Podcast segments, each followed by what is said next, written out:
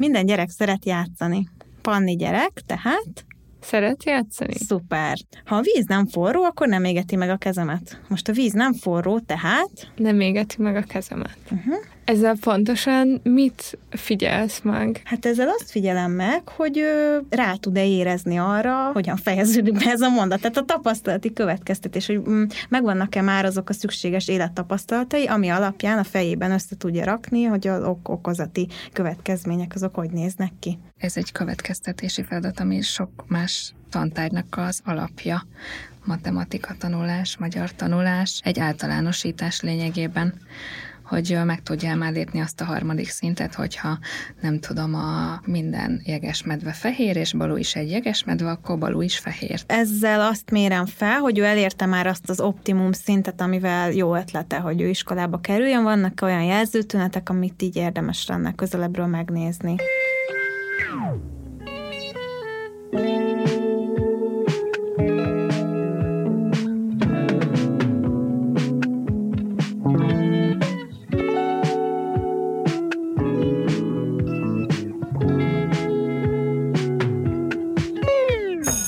Sziasztok, ez itt a Jukasóra Podcast, én Kulcsár Rebeka vagyok. Én pedig Ungveri Sári. A Jukasóra a Partizán iskolával, oktatással, neveléssel foglalkozó podcastja, és ez itt a második epizód. Én tök kíváncsi lennék, hogy még mielőtt belekezdünk a mai adásunkba, és mielőtt elárulnék nektek, hogy mivel fogunk ma foglalkozni. Hogy Rebi, te miket hallottál az előző podcast kapcsán, milyen visszajelzések érkeztek, egyáltalán így milyen volt megcsinálni az első adást? Nagyon izgalmas, mint egy próbatanítás, ami után elmondták a tapasztaltabb, idősebb kollégák a véleményüket, de jellemzően nagyon pozitív, aki negatív, az vagy nem osztotta meg, vagy nem volt, vagy nem ismerem. Ketten is azt mondták, ők velem egykorúak, és nem tanárok, nem pedagógus hallgatók, hogy nagyon megjött a kedvük a tanításhoz, és wow. én ennek nagyon-nagyon örültem. Nekem általában így ez pozitív volt hasonlóan. Amit kiemelnék, hogy, hogy írtak idősebb tanárkollégák személyes tapasztalatokat, meg kaptunk e-maileket is, és hogy elképesztően köszönjük azt, hogy ezeket így megosztottátok velünk, és köszönjük, hogy elmondtátok. Én nagyon nagyon-nagyon izgatott voltam, a, miközben ezeket olvastam, és azt érzem, hogy nagyon-nagyon beszélgetés indító volt a Gyuri által hozott téma, és egyébként egy csomóan meg így a Lyukas is, meg magához is így hozzászóltak. Ami szerintem érdekes, hogy kiderült, hogy Jukas úr ez egy egyébként létező adás, mm, ja, és igen. ezzel kapcsolatban kaptunk visszajelzést. Uh, úgy volt, hogy először volt egy Jukas úr a színházi folyóirat, aztán egy Jukas úr a irodalmi folyóirat, aztán pedig egy Jukas úr a irodalmi televíziós műsor. Nekünk ez egyébként nem volt ismert, szerintem itt van ilyen generációs, meg médiaváltás. Ezzel kapcsolatban volt olyan, aki azt mondta, hogy hogy ezért így jobban kellett volna figyelnünk. Tény egyébként, hogy névválasztásnál nem volt egy hatalmas feltérképezésünk előzőleg, viszont volt olyan, aki azt mondta, hogy neki meg pont az izgalmas, hogy most így a generációk váltják egymást, és hogy pont az izgalmas neki, hogy most más néven, meg más színben, meg más fókusszal hallgatja a lyukas órát. Ez szerintem egy ilyen érdekes generációs kérdés volt, hogy hány olyan tanárnak tűnt föl esetleg, hogy lyukas óra mm-hmm. már létezik. Az előző podcasthez kapcsolódóan Gyuri ajánlott egy programot. December 4-én 17 órától lesz egy foglalkozás, amit a Gyuri fog vezetni, vagy egy ilyen beszélgetés, ahol pont a pedagógusoknak a társadalmi szerepéről fognak beszélni különböző szakértők. Ezt a PEDLabor nevezetű csoport csinálja, és hogyha valakit esetleg jobban érdekel, vagy szeretne még inkább így elmélyülni a pedagógusok társadalmi szerepével kapcsolatos kérdésekbe, akkor tökre ajánlom nekik ezt a foglalkozás beszélgetést. Az online fog megvalósulni Zoomon, szóval bármerre vagytok az országban, nyugodtan részt tudtak venni benne. Illetve még az is eszembe jutott, hogy mondta valaki, hogy érződik, hallatszódik, hogy tanárok vagyunk, és szívesen beülne az óránkra. Igen. Bár mondjuk most szeretném azt a mondatot kihangosítani, amit anyukát szokott mondani. Tehát anyukám, aki szintén pedagógus egyébként, és neki is tetszett a podcast, de ő teljesen elfogult. Szóval anya azt szoktam mondani mindig, hogy a pedagógus első egy évét az Isten bocsássa meg. Erre nagyon sokat gondolok, már így az első év letelte után is, mert aztán hozzá szokta tenni, hogy ez nem csak az első egyet, hanem az első egy, öt, tíz évét folyamatosan tanulunk a gyerekek mellett, ő is mindig elújságolja, hogy milyen TikTok trendekről értesült, szóval, hogy ez egy ilyen műfaj. Egyébként pont volt most egy órám, ahol azt mondták, hogy a pedagógus szakma az egy olyan dolog, amit körülbelül tízezer gyakorlati óra után tud komfortosan művelni az ember. Én nem tudom, hogy ez a statisztika honnan jön, nem tudom, hogy ezt hogyan mérték le, de hogy így igazából valahol így megnyugtatott, és hogy tudom, hogy nagyon sok pályakezdő, meg nagyon sok ilyen leendő, még egyetemre járó hallgatónk van, és akkor ezt nekik is így mondom, ilyen megnyugtatású, hogy hát ezt a tízezer órát, ezt végig kell csinálnunk, hogy, hogy menjenek a dolgok gördülékenyen. Igen, de én azért szeretem nagyon ezt a folyamatos tanulást, mert emlékeztet arra, hogy ja, akkor ezt élik meg a gyerekek is. Ugyanez a kettő. Mindig van egy saját élményem, hogy milyen valamit nem tudni, meg elrontani. Ez szerintem nagyon jó. Igen. És akkor fajta lehet javítani, újra próbálkozni, próbálkozni. Igen, trial and error. Ú, trial and error, igen. De szerintem fontos, hogy amikor valami jól sikerül, akkor ezt meg ünnepeljük meg, uh-huh. meg mhm. így mondjuk azt, hogy igen, ez jó. Igen. Szóval akkor megragadnám az alkalmat, hogy bemutassam a második epizód szívemnek nagyon kedves vendégét. Laura, kérlek, mutatkozz be pár mondatban. Sziasztok, én Gephardt Laura vagyok, és köszönöm szépen a meghívást. Nagyon vártam. Azt lehet tudni rólam, hogy én egy vidéki pedagógiai szakszolgálatnál vagyok, egy járásinál, tehát nem megyei bizottságnál. Én még pályakezdőnek apostrofálom magam, tehát három éve végeztem Pécsen, és most szakképződöm egyébként az eltém, de hogy a szakszolgálatnál azt is elmondom, hogy mit csinálok. Ott fele időben szakértői bizottsági tevékenységet csinálok, amiről majd fogunk ma beszélni sokat, és nevelési tanácsadást csinálok, amit a szülők önkéntesen kérhetnek, hogyha van valamilyen családi vagy iskolai pszichés probléma a gyerekeknek, meg tehetséggondozást csinálok egy pici óraszámban, amit egyébként nagyon szeretek, és szeretném sokkal több óraszámba csinálni, de most még egyelőre így alakul, meg néha csoportokat szoktunk, tanulás, módszertan, stb. Úgyhogy nagyjából ezzel foglalatoskodom most. És azt elmondod, hogy mi honnan ismerjük egymást? Mi egy egyesületnél önkénteskedünk mind a ketten a Rebivel, és ott ilyen különböző társadalmi buborékokból érkező gyerekeknek csinálunk mindenféle szuper programokat, például tábort, az szokott lenni a főesemény, és akkor itt futottunk mi össze a Rebivel ki volt nektek az a pedagógus gyerekkorotokban, akinek a munkája mai napig veletek van? Nekem van, igen. Nekem három darab ilyen van. Általános iskolában tanított engem egy házas pár. A földrajz rajzszakosak voltak mind a ketten, és igazából rajzszakkörről ismerem őket. Oda jártam nyolc évig hozzájuk, és ők ez a, tehát a, a nő, Csilla néni lehet mondani, majd meghallgatja. Ez a klasszik nagybetűs pedagógus, a kicsit tyúkanyó, de szakmai tudása az magasan a helyén, mindig a jó szándék, a korrektség, a partnerség, de közben a tisztelet, és nekem ő, ő nagyon-nagyon, tartjuk is azóta is a kapcsolatot egyébként, és uh, gimiben meg volt egy német tanárom, akiben azt fogott meg, hogy uh, bármennyi időt mm, beletolt abba, hogy a gyerekeket minél jobban megismeri, tehát már 9. októberben úgy ismert mind a tenyerét, és a feedback az nagyon nagy előnye volt, tehát ő egyfolytában adott visszacsatást, ami amúgy meg nem volt sok máshonnan nagyon, de adott egyfolytába, és hogy nekem, nekem így ők hárman voltak. Nekem nagyon sok van, és most írtán zavarba is jöttem ettől a kérdéstől. Az általános iskolai tanítónémnémre különösen jó szívvel emlékszem, a, és különösen a második osztály az belém égett, mert akkor egy pálfalusi iskolában mindegy, ott temettük el a hörcsögünket. Uh, gimiben, a, egy középiskolában a magyar tanáraim voltak ilyenek, a drámatanárom volt ilyen, róluk már az előző adásban meséltem, de én, ahogy magyar tanítok, ráismerek bizonyos mozdulatokra, meg bizonyos szófordulatokra, amiket igazából régebben a matek tanárom használt, a tesi tanárom használt, stb. Uh-huh. Neked? Na, nekem is van, hát nem véletlenül tettem fel ezt a kérdést. Nem tudom, hogy ő gyógypedagógus, vagy gyógytestnevelő, vagy ki lehetett ő. Nekem ő olyan volt, mint egy varázsló.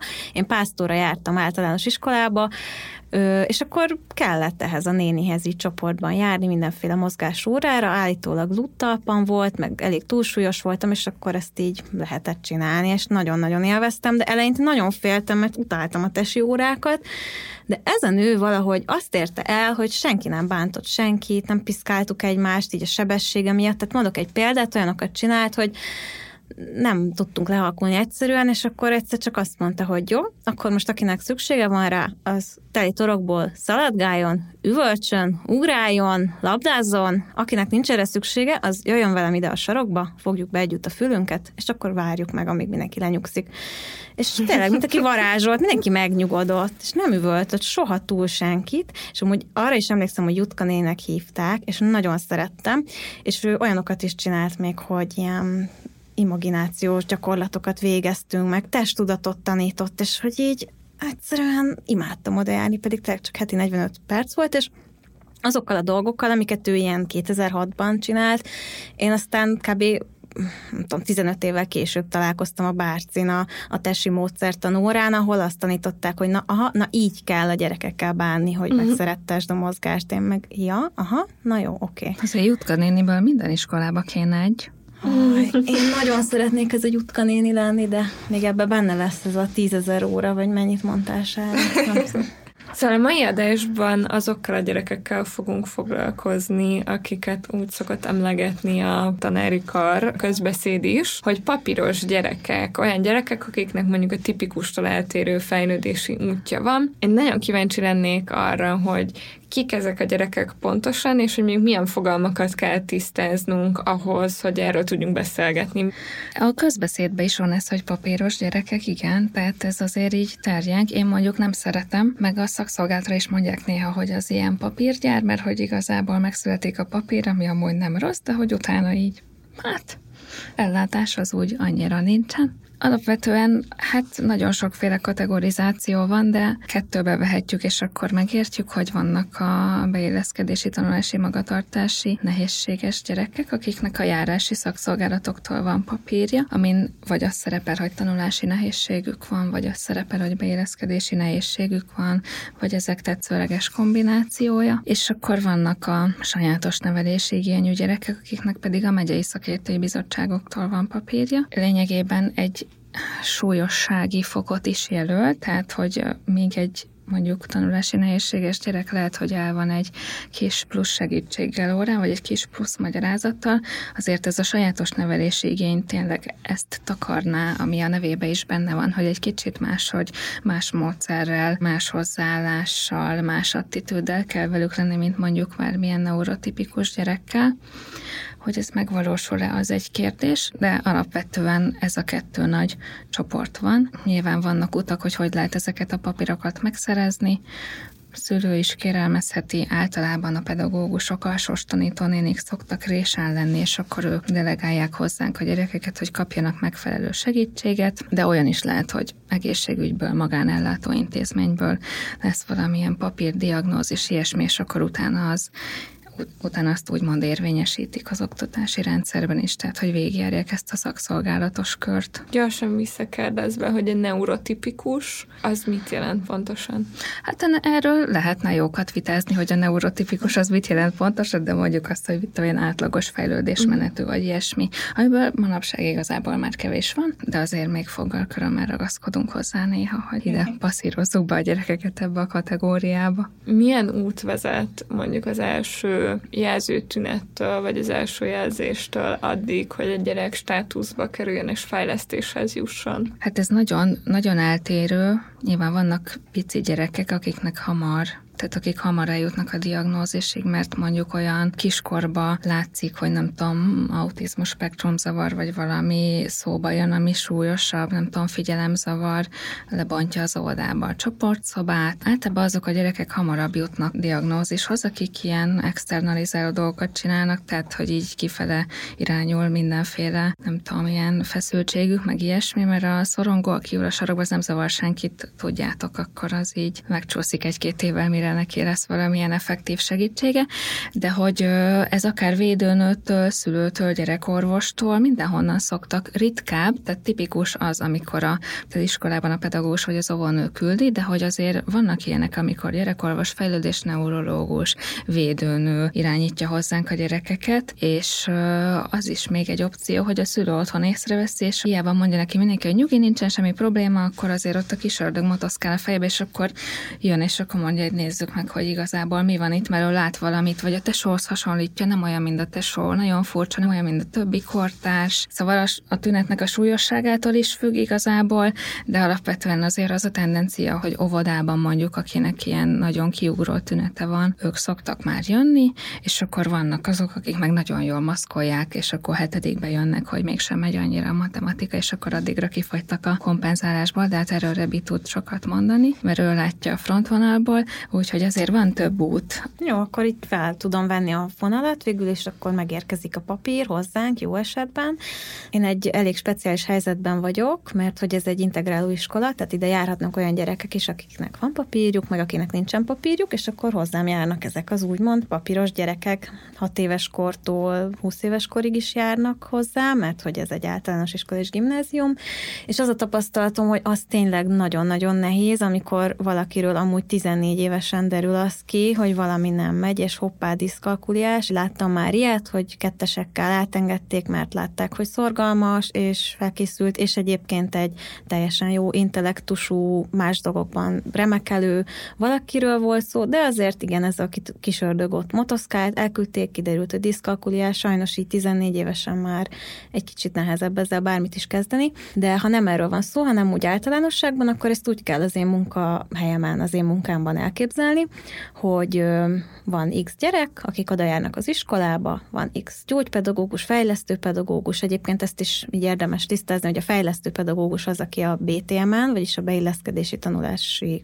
magatartási nehézségekkel foglalkozhat, a gyógypedagógus az, aki az eseni státusszal is valamit kezdhet, és akkor én el tudom olvasni ezeket a szakértői véleményeket, mindenféle teszteket csinálnak ezekkel a gyerekekkel, és vannak fejlesztési irányok, hogy valószínűleg mire lenne szüksége. Ez egy elcsépelt mondat, de tényleg így van, minden gyerek más és más, tehát lehet, hogy mind a két gyereknek le van írva az, hogy ö, nem tudom, a finom motorikája nem az igazi, de hogy lehet, hogy az egyik gyereknél ez így jelenik meg, a másiknál meg úgy. Mindenkit úgy lehet igazából fejleszteni, ahogy ő működik, ahogy az ő agya működik. Szóval én ezzel töltöm a mindennapjaimat, hogy járnak hozzám a gyerekek, mindegyik gyerek egy másik világ, és megpróbálom megérteni az ő életüket, az agyuk működését, az ő motivációikat, és nagyon sokszor az kiszokott derülni, hogy bizonyos dolgokat nagyon jól kompenzál a gyerek, de mondjuk van egy valami, amivel nem tud semmit se kezdeni. Szóval hiába van leírva a szakértői véleményben mondjuk 16 dolog, lehet, hogy abból amúgy csak kettővel foglalkozunk, mert a többit tudja. Mind a kettőtöknél, Rebi, szerintem te az előző podcastben is mondtad, hogy növekszik egyébként azoknak a gyerekeknek a száma, akik valamilyen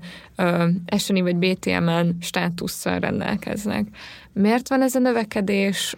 Nem tudom, milyen elméletek vannak erre, milyen meglátásaitok vannak ezzel kapcsolatban. Egyáltalán van ez a növekedés, vagy csak több papírt állítunk ki, mint régen? Szoktak olyanok lenni, vagy olyan hangok is lenni, amik így alapvetően azt mondják, hogy nem a gyerekek száma változik, hanem a tesztek változnak. Mi van ezzel? Ö, jó kérdés, nincsen tuti válasz. Ö, kirakós darabok vannak, amikből néha azt gondoljuk, hogy az egyik kirakós nagyobb, a másik meg kisebb. Én azt gondolom, hogy a, a diagnosztizálási eljárások is finomodtak, tehát tudjátok, régen volt ez a diszlexiásra, azt mondtuk, hogy hát akkor nem tudom, hülye, vagy nem, nem lesz érettségi, vagy nem tudom. Most meg akkor van-e vagy diszlexiás, és egyébként meg meg lehet tanítani, olvasni normálisan. Csak ö, régen nem tudtuk, vagy nem foglalkoztunk vele, vagy nem tartott még ott a az egész diagnosztizálási folyamat, tehát az biztos, hogy a diagnosztikai rendszereknek a finomodása az eredményezi, hogy több diagnózis van. Ami még eredményezi, az kütyű, kütyülnek, és akkor ez a kütyülés, ez is, ez is ugye van. Számtalan kutatás folyik most erről, hogy mi van ezzel. Nem tudjuk, hogy mi van ezzel még. Én középtájon vagyok, tehát nem az vagyok, aki azt mondja, hogy ne kütyüljön a gyerek, meg az se, aki azt, hogy üljön ott egész nap, mert majd jó lesz a finom motorikája. Inkább az lehet a kütyüléssel a baj, hogy amikor kütyül, abban az időben régen mondjuk kint futkosott, vagy fogócskázott, most meg az ugye kimaradt. És akkor itt így csatlakozom, minden gyereket küldenék sportolni, mozogni, stb. Az biztos, hogy az nem veszőparipám nekem, biztos, hogy nagyon sok ilyesmit eredményez az, hogy nincsen annyi szabad mozgás, mert tornaórán sem szabad mozgás van, hanem izé,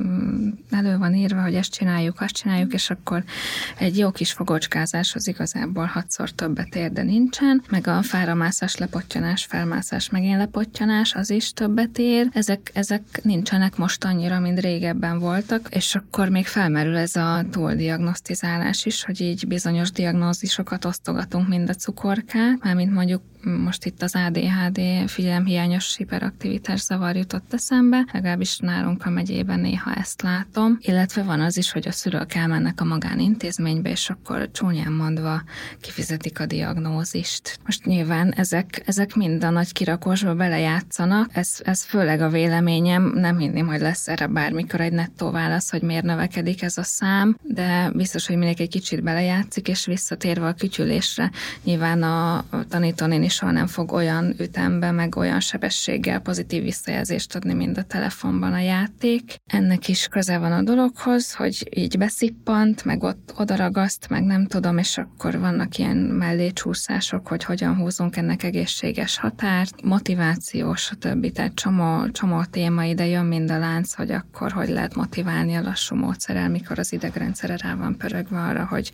azonnal jön a visszajelzés. Tehát tanítani nem fogja minden összeadásért megdicsérni, de a telefon minden pályáért megdicséri, amint túljutott. Úgyhogy ö, mozgás, mozgás, mozgás, tehát az, azzal sok mindent meg lehetne előzni. Nekem van egy ilyen élményem is, hogy azok a gyerekek kapnak papírt, akik alapvetően nem illenek bele a normális kategóriába, szóval mint hogyha a normálisról, meg az ilyen tipikusról alkotott fogalmaink, azok így szűkek lennének azért alapvetően. És nagyon sokszor azt érzem, hogy mondjuk azok a gyerekek, akik nem a felső középosztálybeli szociális háttérből jönnek, azokra könnyebben adunk egyébként valamilyen papírstátuszt, mert azt mondjuk, hogy hát ő más, hát ő nem illik bele ebbe a kategóriába. Te ezt mennyire látod adott esetben, hogy hozzájárul a szociális státusz, meg a, a, a hátrányos helyzet, halmozott hátrányos helyzet ahhoz, hogy hamarabb papíros legyen egy gyerek, vagy papírt kapjon, közrejátszik-e ez egyáltalán? Itt például van olyan, hogy ilyen gyerekek azért kapnak papírt, mert hogy a, tehát hogy mit tudom én, a családban mondjuk kultásan az iskola nem olyan fontos, de hogy mi meg azért szeretnénk, hogy fontos legyen, és akkor kap papírt, mert akkor legalább heti kétszer, a fejlesztő pedagógus átgyakorolja vele az olvasást, az írást, a matematikát egy kicsit, vagy bármilyen alapkészségeket, ami otthon nem történne meg, mert otthon be kell segíteni a tesót intézni, vagy, vagy bármi másba be kell segíteni, vagy egyszerűen csak nem olyan fontos az iskola. Én szeretem, hogyha a papír annak mentén szeretik, hogy utána milyen ellátást fog kapni a gyerek, tehát hogy akkor legyen papír, hogyha ellátás is van hozzá,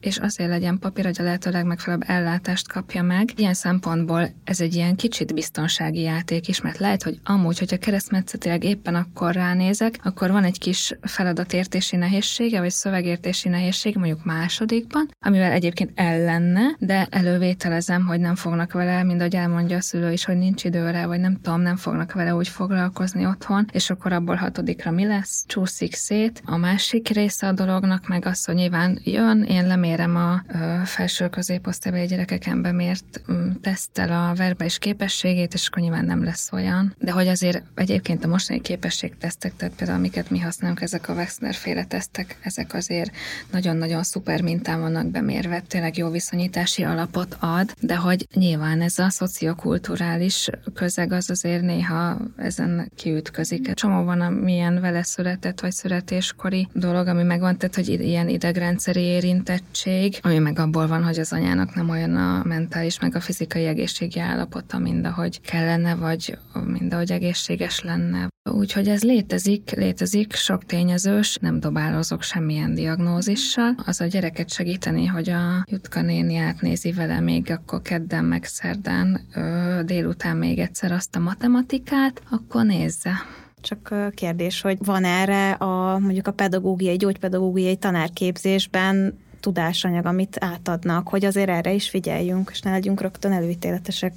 Volt arról szó, hogy az ADHD, egy kicsit így visszamennék erre, mert ez engem nagyon izgat. Én pszichopedagógia az egyik szakirányom, és hát annak a elég nagy területe az ADHD és gyerekekkel való foglalkozás, és szerintem az ADHD, én is úgy látom, egy olyan diagnózis, amit minden gyerekre rásütnek, illetve egy olyan dolog, amivel egyre több ember, gyerek és felnőtt egyaránt diagnosztizálja saját magát, és hogy ti mennyire találkoztok az öndiagnózis fogalmával, most ez lehet ADHD, autizmus, bármi, és mit gondoltok erről? Én ebben látok növekvő tendenciát. Hát megy ez a Google-ba beütjük, és akkor uh, majd kidobja, hogy jó, ADHD-sok vagyunk, főleg a nagyobb, nagyobb gyerekek azért csinálják rendesen, hogy már jönnek, és akkor van most egy kliensem, aki hozott magával egy 18 pontból álló listát, hogy uh, akkor ő ezeket figyelte meg, és akkor ő arra gondolt, hogy figyelemzavaros. Már 16 éves, és egyébként igaza van, de soha eddig senki nem vette észre, mert az a típusú,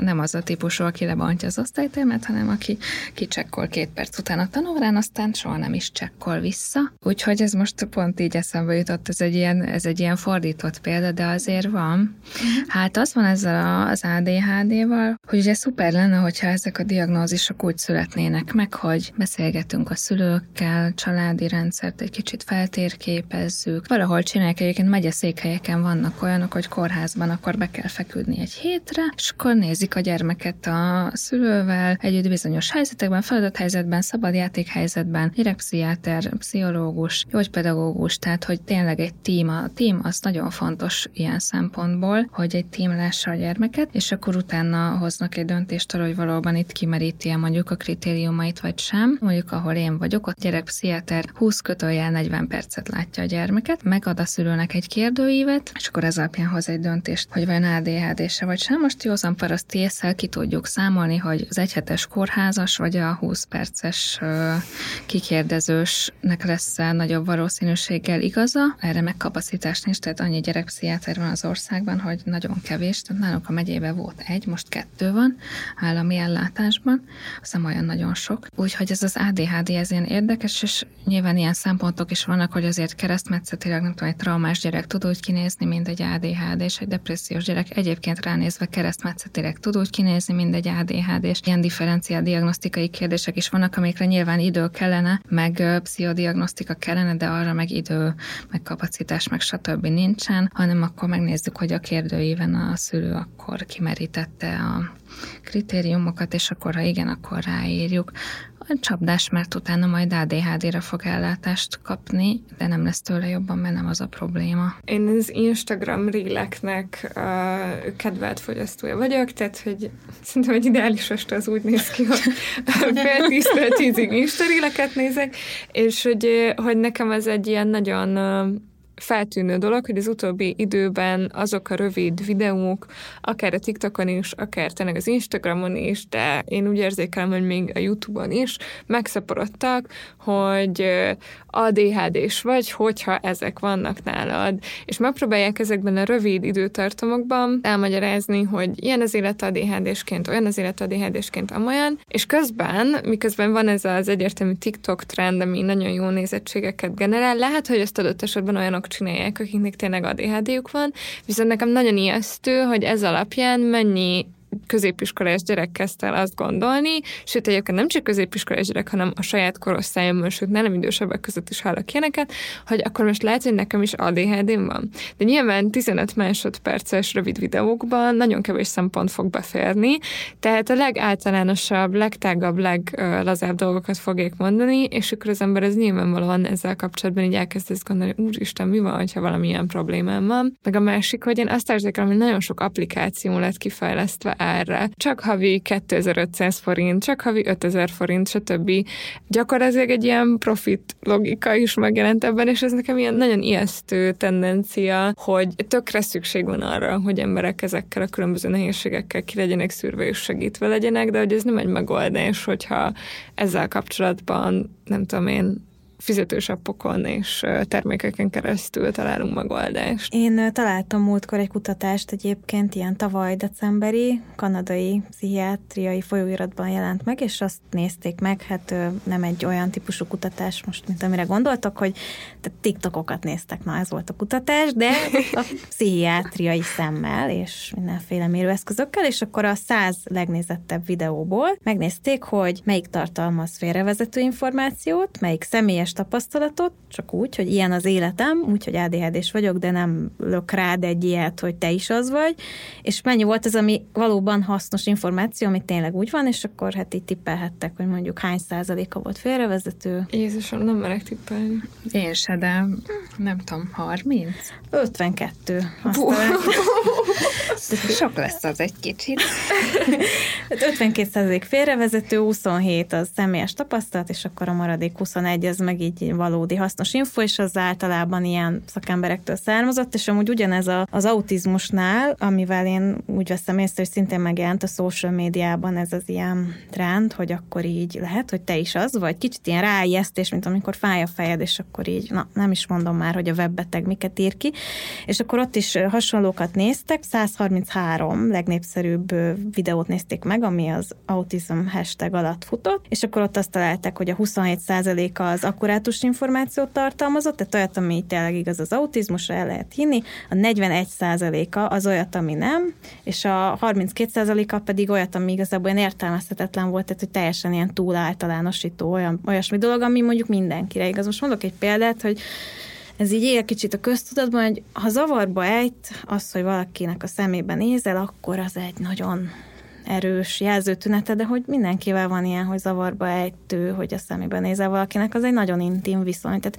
nyilvánvalóan ez lehet igaz egy autista emberre, de hogy ez, ez nem azt jelenti, hogy akkor valaki egyből az itt azért, ezt jobban ki kell kicsit vizsgálni. Szerintem az tök jó, amikor valaki érzi, legyen gyerek, fiatal vagy felnőtt, hogy valami nem oké, szeretne segítséget, érzi, hogy mintha valami más lenne, van elakadás, esetleg kap egy választ, hm, de hát ADHD-s vagyok, és akkor ott megáll ez a történet, hogy jó, ADHD-s vagyok, igen, ilyen vagyok, oké, akkor nem kell változtatnom ezen, nincsen segítség, pedig ez nem igaz, amúgy van segítség, meg lehet változni, hogyha valaki szeretne, egyébként nem kötelező, lehet, lehet jobban adaptálódni a hétköznapokhoz. Szóval azt, azt tartom egy kicsit károsnak, amikor így a személyes fejlődést, meg így a tanulást nem igazán támogatja mondjuk egy ilyen diagnózis, hanem kicsit egy ilyen lemondás önmagamról, hogy ah, én úgyis ADHD-s vagyok, soha nem fogok tudni odafigyelni. És egyébként felnőtt emberekben is megfogalmazódik, hogy akkor most ez vagyok, az vagyok, és akkor elindulnak, hogy legyen diagnózis, hogy ne legyen. És akkor így zárójelesen szeretném közbeszúrni, hogy felnőtt ADHD kivizsgálásokra egy-másfél éves várólisták vannak nagyjából. Jézus Nem sok intézmény csinálja az országban, komoly százezrekért is, magánintézményben is egy-másfél éves várólisták vannak. És azért a rendkedvért szeretném elmondani, hogy az alul diagnosztizálás is egy létező jelenség, tehát én nagyon sok olyanról hallok, hogy 35 évesen derül ki valakiről, hogy egyébként autizmus spektrum zavar az, ami neki van, de mondjuk egész életében mm, pszichiáterhez járt, azt mondták neki, hogy ez biztos borderline, meg narcisztikus, meg nem tudom, és hogy így nem az volt, mert hogy a női autizmus az valami teljesen más. Egyébként van is a Vadaskertben most egy ilyen képzés, nagyon tetszik a címe, hogy az autizmus nem férfi klub. Ez nagyon ajánlom mindenkinek. Alapvetően azért van, mert a, ezeket az autizmusról szóló tüneteket, ADHD-ról szóló tüneteket, stb. férfiakon rögzítették, és ahhoz képest mondjuk a lányoknál ezek a tünetek már nem relevánsak, vagy máshogy relevánsak? Konkrétan autizmus spektrumzavarról tudok, hogy ott igen, tehát mm. ott általában férfi mintán zajlottak ezek a kutatások, és akkor igazából hogy most kezdjük felvenni a fonalat, hogy amúgy így női autizmus kislányokon, akkor ez hogy néz ki, nem tudom, tünettan, stb. A figyelemzavarral az a helyzet, hogy vannak azért olyan kutatások, amik azt mondják, hogy mondjuk a lányok nem máshogy néz ki, mint a fiúknál, és vannak kutatások, amik azt mondják, hogy hasonlóan néz ki, de hogy most ez inkább mondjuk azt, hogy ez a véleményem, vagyis amit én látok, hogy azért lányoknál valóban többször van az, hogy tényleg így a, tehát főleg ilyen figyelemhiányos tünetek vannak hangsúlyban, és akkor azzal így elletleni az osztályba, tehát Jurit néni a 30 gyerek közül nem fog észrevenni, hogy amúgy valaki így kicsekkolt 20. perc, és nem csekkolt vissza, de azt, hogy valaki egész órán bögdösi a pattását, vagy egész órán mozog a lába, vagy dobálgat valamit, az sokkal könnyebb észrevenni. Tehát, hogy ilyen szempontból is így azért belejátszik a tehát, hogy talán lehetnek ilyen fiúlány különbségek, de most így nem, nem teszem le a nagy esküt. Vannak ilyen kutatások is, meg olyan kutatások is. És ez is jó kérdés, hogy ebből valójában mennyi szocializáció, és mennyi mondjuk ilyen neurobiológiai Igen, ez, ez egy jó kérdés, igen. Nekem azért van egy ilyen tapasztalat, tapasztalatom, hogyha egy gyerek rendelkezik papírral, akkor sokszor ez egy ilyen felmentésként van feltételezve. Adott esetben nem csak a, nem tudom, gyerek részéről, én tanárnő fel vagyok mentve matek alól, hanem a család részéről is, hogy a gyerek az kvázi fel van mentve a gyereknek, akkor nem kell jegyet szerezni, stb. stb. Miközben alapvetően ezek a fajta státuszok, ezek arra szolgálnának, hogy rámutassanak valamilyen területre, amin fejleszteni kéne. Adott esetben mennyire ö, ütköztek ebbe a problémába a mindennapokban, hogy a szülőkkel kell, hát gyakorlatilag családnevelést vagy szülőnevelést folytatni. Én egyébként azt is gondolom, hogy, hogy szülőként borzasztó nehéz lehet hirtelen otthon fejleszteni, mert hogy honnan tudja az ember, hogy hogyan kell egyáltalán ezekhez, tehát hogy hogyan kell ezekhez a jelenségekhez viszonyulni, mit csinálják, hogyha diszkalkuliás a gyerekem, hát nyilván nem tanulta ezt meg senki mielőtt gyermeket vállalt. Az elejére csatolok vissza egy picit, hogy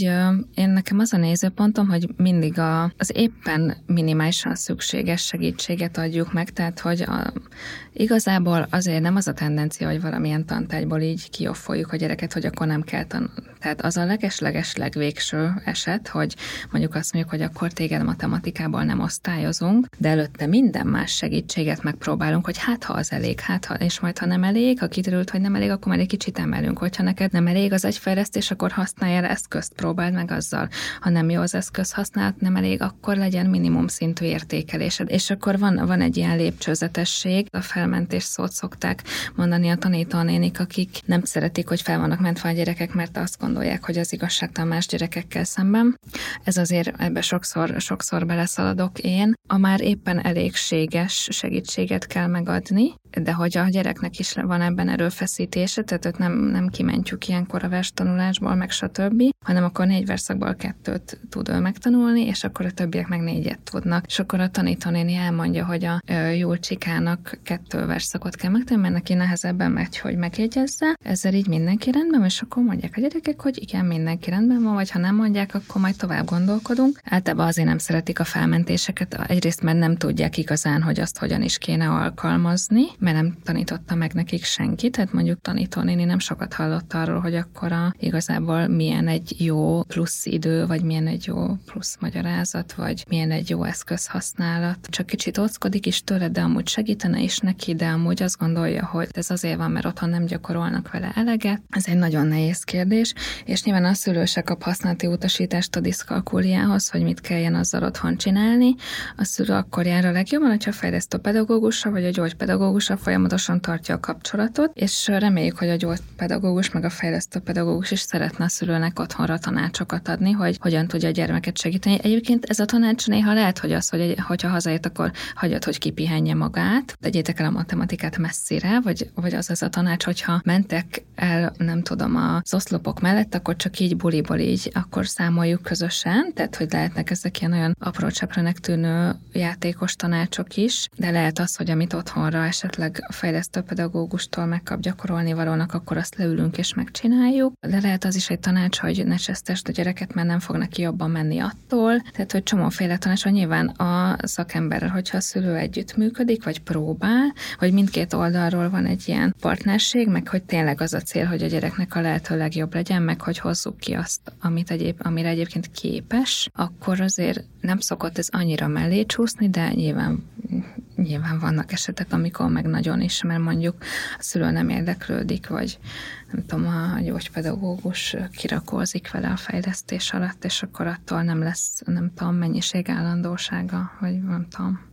Én a tanárképzésben nem nagyon találkoztam olyan lehetőséggel, hogy én kaptam volna gyakorlati tanácsot tendencia, hogy igazából nem tanulunk meg hogyan viszonyulni, dolgozni, nem tudjuk a, a differenciálásnak a, azon túl, hogy ez egy szép és szükséges és kellő dolog, valójában az útjait. És nyilván ez is majd szerintem gyakorlatban tanulja meg az ember. Valami keveset fog érni az, hogyha beszélek differenciálásról, mint sem az, amikor belekerülök egy olyan helyzetbe, amikor kénytelen vagyok differenciálni, de szerintem ebben még mindig van a tanárok képzése oldaláról egy tök nagy hiányosság. A másik, amit akartam mondani, hogy, hogy azzal kapcsolatban, hogy az alsós tanítónénik hogy állnak ezekhez a gyerekekhez, szerintem ez nagyon sok szülőnek kérdés a fejében, hogyha mondjuk óvodás a gyerek, akkor vállalja azt, hogy elmegy kivizsgálásra, és a gyerek bizonyos státuszba kerül, mert nagyon sokszor egyébként nem veszik fel azokat a gyerekeket később iskolába, akik valamilyen státuszban vannak. Nekem a személyes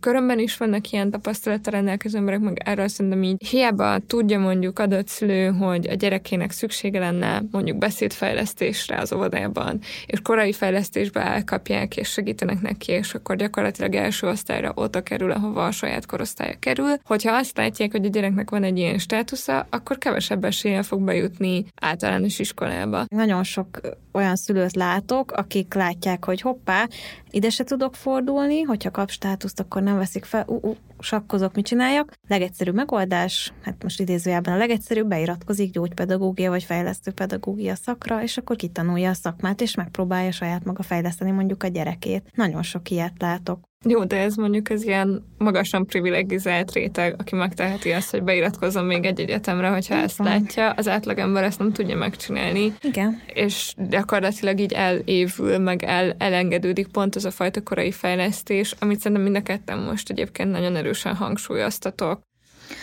Ugye az a helyzet, hogy itt van ilyen van erre ilyen jogszabályi környezet, hogy az iskola alapító okiratában benne van, hogy fogad mondjuk autizmus spektrum zavara élő gyermeket. Elvileg papíron akkor az iskola nem nagyon utasíthatja vissza azt a jelentkezést, de azért tudjuk, hogy ez igazából a gyakorlatban nem annyira így van, úgyhogy szegény szülőket nem irigylem, amikor diagnózissal és, és ilyesmi diagnózissal kell intézményt választani, mert hogy nyilván né- néha az a cél, hogy egyetlen legyen egy intézmény, ahova járhat a gyermek, és akkor nem jutottunk el addig a kérdés, hogy, hogy van-e ott megfelelő szakember, például aki segíti, van egy pedasszisztens, aki be tud csücsenni órára, vagy mondjuk tanítópár van-e, hogy néha mind a ketten bemennek órára, vagy hogy úgy van-e kialakítva az osztály, osztályterem, vagy amúgy a tanítónéni hallott -e egyébként már az autizmus spektrum zavarról, úgyhogy ez, ez egy nagyon-nagyon nehéz kérdés, és hogy tényleg egy, egy csomó későbbi kérdést felvett ez, Hóviba már legyen egy diagnózis, vagy, vagy majd lesz akkor, amikor már bekerült az iskolába, de hogyha most bekerül egy többségi iskolába, 30-as osztálylétszámba diagnózis nélkül,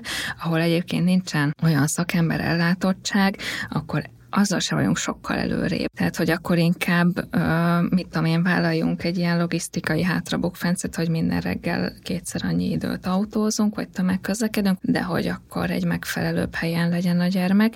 Hát ez nincsen jó válasz, nincsen jó válasz, és nagyon el vannak veszve a szülők, de egyébként ilyenkor jó, hogyha, mit tudom én, lehet kérni szülőkonzultációt, bármilyen szakembert, és akkor ezeket így át lehet beszélni, hogy mi lenne a legjobb. Egy jó alsós tanítónéni, az az igazán nagyon jó, tehát hogy az, az egy fontos szempont, és igazából így mindegy, hogy melyik intézményben van. Persze nyilván kicsit olyan, mint a lottózás, hogy megnézzük a nyílt napon, aztán próbáljuk abból kitalálni, hogy akkor jól lesz-e vagy sem. Megmondják, hogy van pedasszisztens, de hát mire megy a gyerek, addigra nincs, mert már elment, vagy a harmadik osztályba kell lennie, mert ott van egy olyan gyerek, akivel senki nem tud kezdeni semmit. Tehát, hogy ezek, ezek nagyon nehéz és összetett kérdések, és nem tudom, hogy van erre jó válasz, vagy tuti válasz. Ez az egész terület, amiről most beszélünk, ez ilyen dilemmákkal és ilyen és, de kérdésekkel van tele.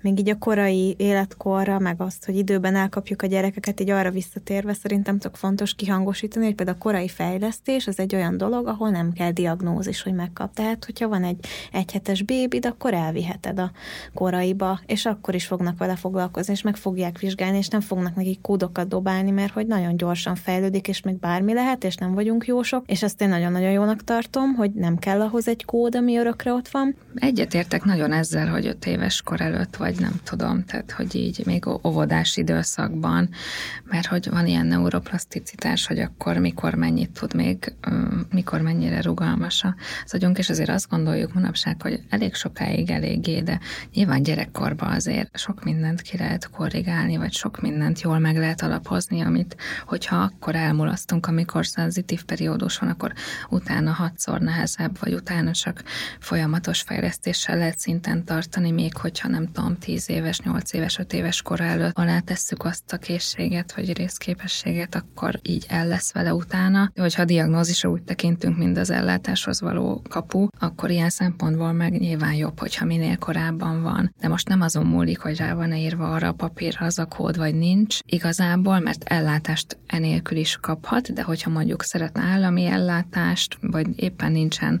erre több százezer forintja, mert hogy miért is lenne több százezer ezer forintja arra, hogy a gyereket fejlesszük itt-ott magán fejlesztő kuckókban, akkor nyilván állami elletes keretén belül is hozzá lehet jutni nagyon szuper fejlesztésekhez, mert hogy nagyon szuper szakemberek dolgoznak, de hogy az meg azért általában kellene, kellene valami diagnózis. Nevezzük meg az elefántot a szobában. Az van, hogy, hogy ez egy nagyon erőforrás hiányos terület, és te ezt már itt többször behoztad. Én egyébként a korai fejlesztés kapcsán most a közvetlen közelembe tapasztalom, hogy például falusi uh, ellátóhelyek azok hogyan alakulnak át, és fognak éppen szakembereket veszteni. Szóval hogy az van, hogy ezért mégiscsak egy ilyen fajta folyamatos küzdelemről beszélünk, hogy ti szeretnétek valamit csinálni, de közben meg az egész szakszolgálati ellátást, és illetve ennek a szférának a különböző oldalait, ezt folyamatosan egyre kevésbé támogatják. Ugye az van, hogy elméletileg a gyerekek, amikor megkapnak egy státuszt, akkor ott van valamilyen szám, hogy körülbelül heti hány órában kéne vele fejlesztőnek foglalkoznia. Ez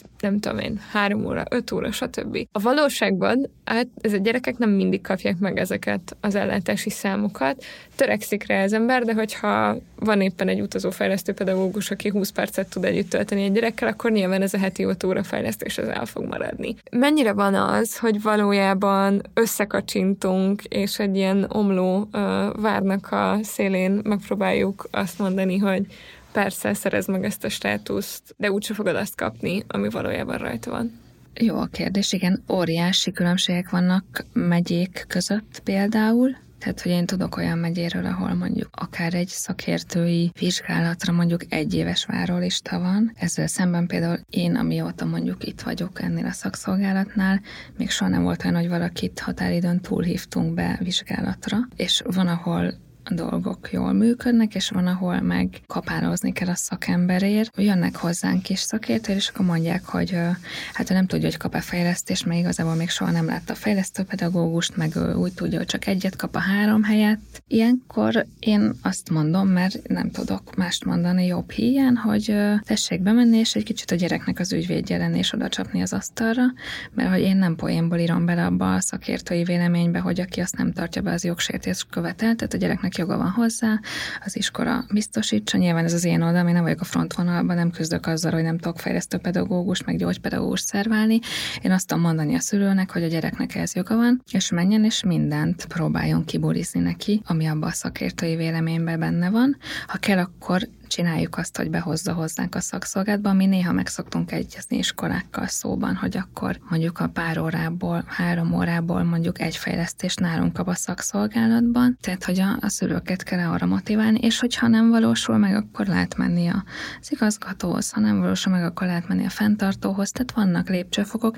Nyilván ezt egy olyan szülővel tudom megtenni, akinek erre van motivációja, akinek megvannak ez a megfelelő készségei, stb. Aki nem olyan jó önérvényesítő, vagy azt gondolja, hogy a gyereknek hátránya lesz bele, hogyha bemegy az igazgatóhoz, akkor elcsorognak gyerekek így, hogy nem kapnak olyan mennyiségű, vagy olyan minőségű fejlesztést, mind amik kell, de hogy nagyon-nagyon nagy különbségek vannak. Még van, ahol nincs ezzel probléma, tehát mondjuk az összes esenés fejlesztést a kisvárosban is, ahol én vagyok, gyógypedagógus, tehát hogy megvan a megfelelő szakember szükséged, és általában a gyerekek megkapják azt a mennyiségű fejlesztést, ami kell nekik. Úgy van olyan iskola, ahol nem volt ilyen az elmúlt tíz évben, hogy mondjuk egy tanévet úgy lehoztak, hogy mindenki megkapta azt a fejlesztést, ami szükséges neki. Státusz nincs elég, tehát hogy szakember sincs elég, de azért azokat képezzük, de státusz az meg abszolút nincs nincsen, és akkor nyilván, hogyha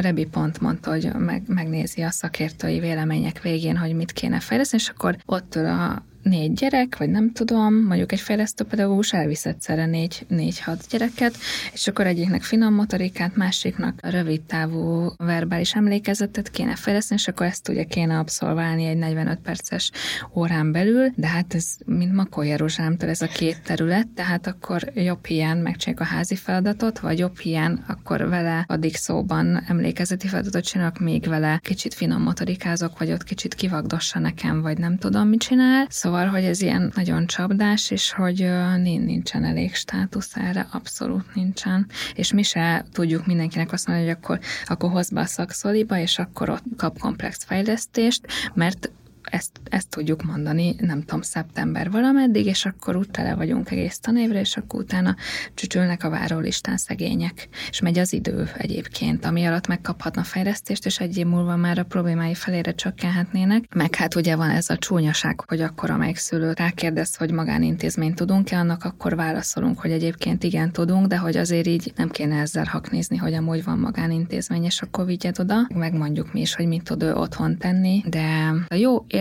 érvényesítő szülők azt gondolom, hogy e- egész jól ki tudják bulizni, de milyen jó lenne, ha nem kéne kibulizni. Hát mi van, ha valaki nem tudja kibulizni, meg mi van akkor, hogyha tegyük fel, holnaptól mindenki egy nagyon jól kibulizó szülővé változik, de egyszerűen nincsen annyi férőhely, akkor most meg fogunk gyerek verekedni a gyógypedagógusért. Tehát ez, amiről most beszéltél, ez az ilyen legpusztítóbb etikai dilemma számomra, és én nem ismerek igazából olyan gyógypedagógus kollégát, akinek küzdene ugyanezzel, hogy van X gyerek, járna nekik átlagosan három óra fejlesztés hetente, és egyszerűen nem fér be az óra keretedbe. Tehát, hogyha még megfeszülnél, ha ingyen dolgoznál, ha heti 60 órát dolgoznál, akkor se férne bele, mert jön, jön, jön, és akkor összevonod a csoportokat, az egymástól totálisan eltérő szükségletű gyerekeket egymással, akik amúgy van, hogy mondjuk utálják egymást, és akkor azt is csinálhatnád, hogy te kiválasztod valamilyen alapon, hogy akkor te most ezt a gyereket ezt fejleszted, neki megadod a heti kettő vagy három órát, de neki nem.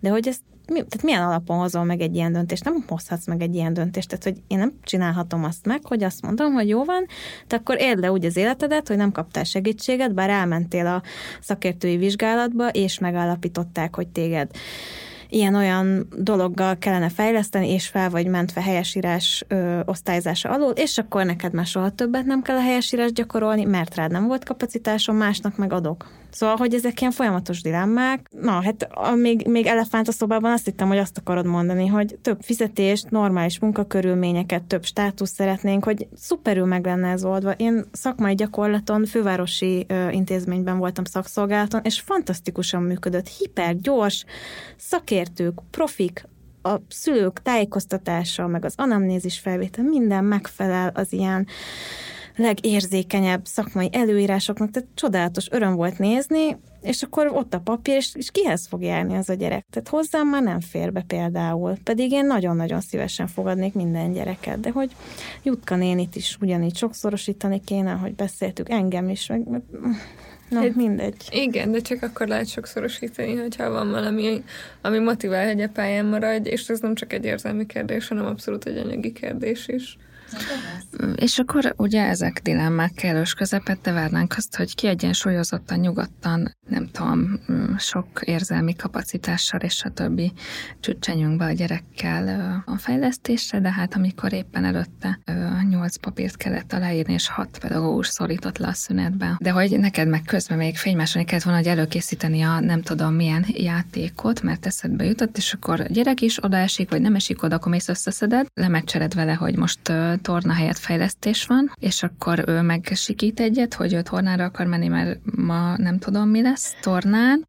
Szóval, hogy így mire megérkezünk, addigra már lehet, hogy mindenki hatszor kipurcant, és akkor, akkor kéne ilyen kognitív dolgokkal kezdeni valamit úgy, hogy mind a ketten frusztráltak vagyunk, meg fáradtak vagyunk. Ilyeneket már végignéztem, néha megyek iskolákba, és akkor látok ilyen jeleneteket, hogy a fejlesztőpedagógus próbálja abszolválni a terembe való bejutást tanóra elején. Többszörösen, többszörösen nehezített nyilván a pedagógusok mentális állapota is. Szerencsés valaki vagyok, hogy nálunk mondjuk van pénz arra, hogy temperát veszünk a gyerekeknek, és nem a szemétből kell valahogy így összeollózni. Meg hogy van helységed, nem? Ahova, tehát ja, van igen. kis kuckó, hogy így van ilyen fejlesztő szobám. szervezeti kultúra, vagy szervezeti kulturális dolgok, hogy így az a szoba, ahova beülünk, az amúgy így milyen.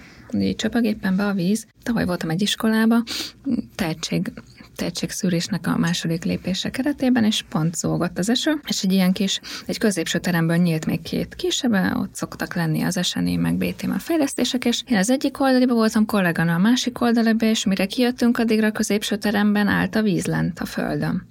Teljesen alapvető dolgok, hogy egyetem megvan az a terem, vagy az a kis valami, ahol mi amúgy így tudunk dolgozni, ami egy ilyen alap, alapfeltétel, tehát nem tudjuk elvárni, hogy egy gyerek dolgozni, miközben az asztalra csöpög a víz, vagy a földre csöpög a víz, mert akkor inkább a, megyünk aztán Anikó nénivel szerzünk hat vödröt, megmentjük ezt a termet, meg a plakátokat leszedjük a falra, hogy azokon nem folyjon keresztül a víz, mert egy, egyre, egyre lejjebb megy, vagy egyre alapvetőbb szintre megyünk, de hogy azért ezek nem elhanyagolhatók, és nagyon sok helyen nincs meg mondjuk olyan infrastruktúra, és én a nagyon jó helyen vagyok. Mindenkinek saját szobája van, három tornaterünk, de hogy amúgy kevés az ilyen. Visszacsatlakoznék még egy korábbi témára, amikor arról volt szó, hogy hogyan változik felmentésé egy papír, hogy én ezt összekötném azzal, hogy a, a státuszhiány, hogy nincsen elég szakember, hogy nem, nem csak azért válik ez valójában felmentésé, mert hogy az könnyebb út, és akkor nem kell dolgozni, mert a gyerekek azok szeretnek amúgy tanulni, imádnak játszani, minél kisebb egy gyerek, annál jobban szeret, és akkor időközben valahogy ez elveszik. De alapvetően úgy születik a legtöbb ember, hogy nagyon szeret tanulni. És hogy az van, hogyha nincsen gyógypedagógus, nincsen szakember, elmaradnak a fejlesztések, stb. stb., akkor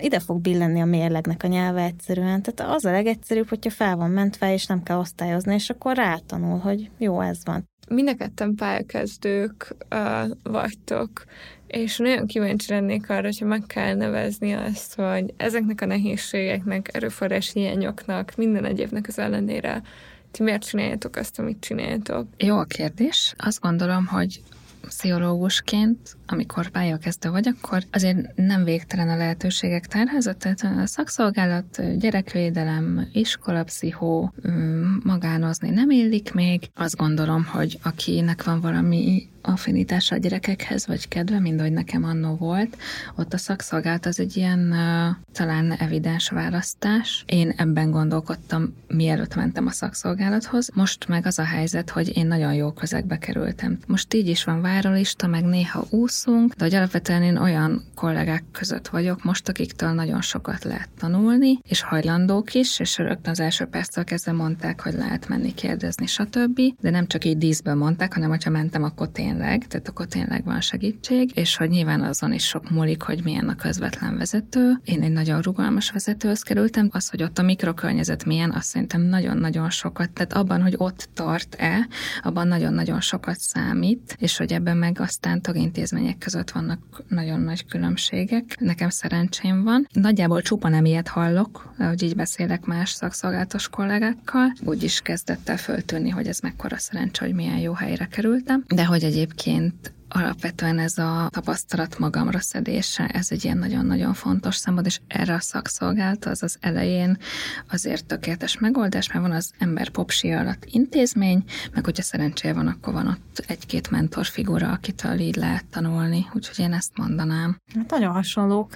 Én is a szerencsémnek köszönhetem azt, hogy amúgy jól érzem magam alapvetően a helyemen, tehát a főnököm, a kollégáim, a segítő munkacsoport nagyon összetartó, nagyon értjük egymást, meg eleve egy olyan intézmény, ahol adottak a feltételek, és igen, lehetőség a szárnyak kibontakoztatására egy pályakezdőként, de hogy az előző adásban is beszéltük, nem tudom, hogy ebben mondjuk, hogyha minden így marad, akkor ebben milyen 10-20 éves perspektíva van. Én minden esetre nagyon élvezem, meg engem még, nyilván ez is a pályakezdésnek a sajátja, nagyon mozgatnak azok a motivációk, amikkel elindultak, tehát nekem ez a Jutka néni, hogy mit adott, ha én arra gondolok, hogy ha már egyszer, egyetlen egyszer, egyetlen gyereknek adtam egy ilyen élményt, akkor ez így nagyon megérte, mert én azt tudom, hogy az engem mennyire épített, és nekem így van bekötve az agyam, nem tudom, nekem ez számít, hogy ha úgy halok meg, hogy egy ilyen élményt okoztam másnak, átadtam, és őt is egy olyan útra ez elindította, ami erre mondjuk engem elindított, hogy rájöttem, hogy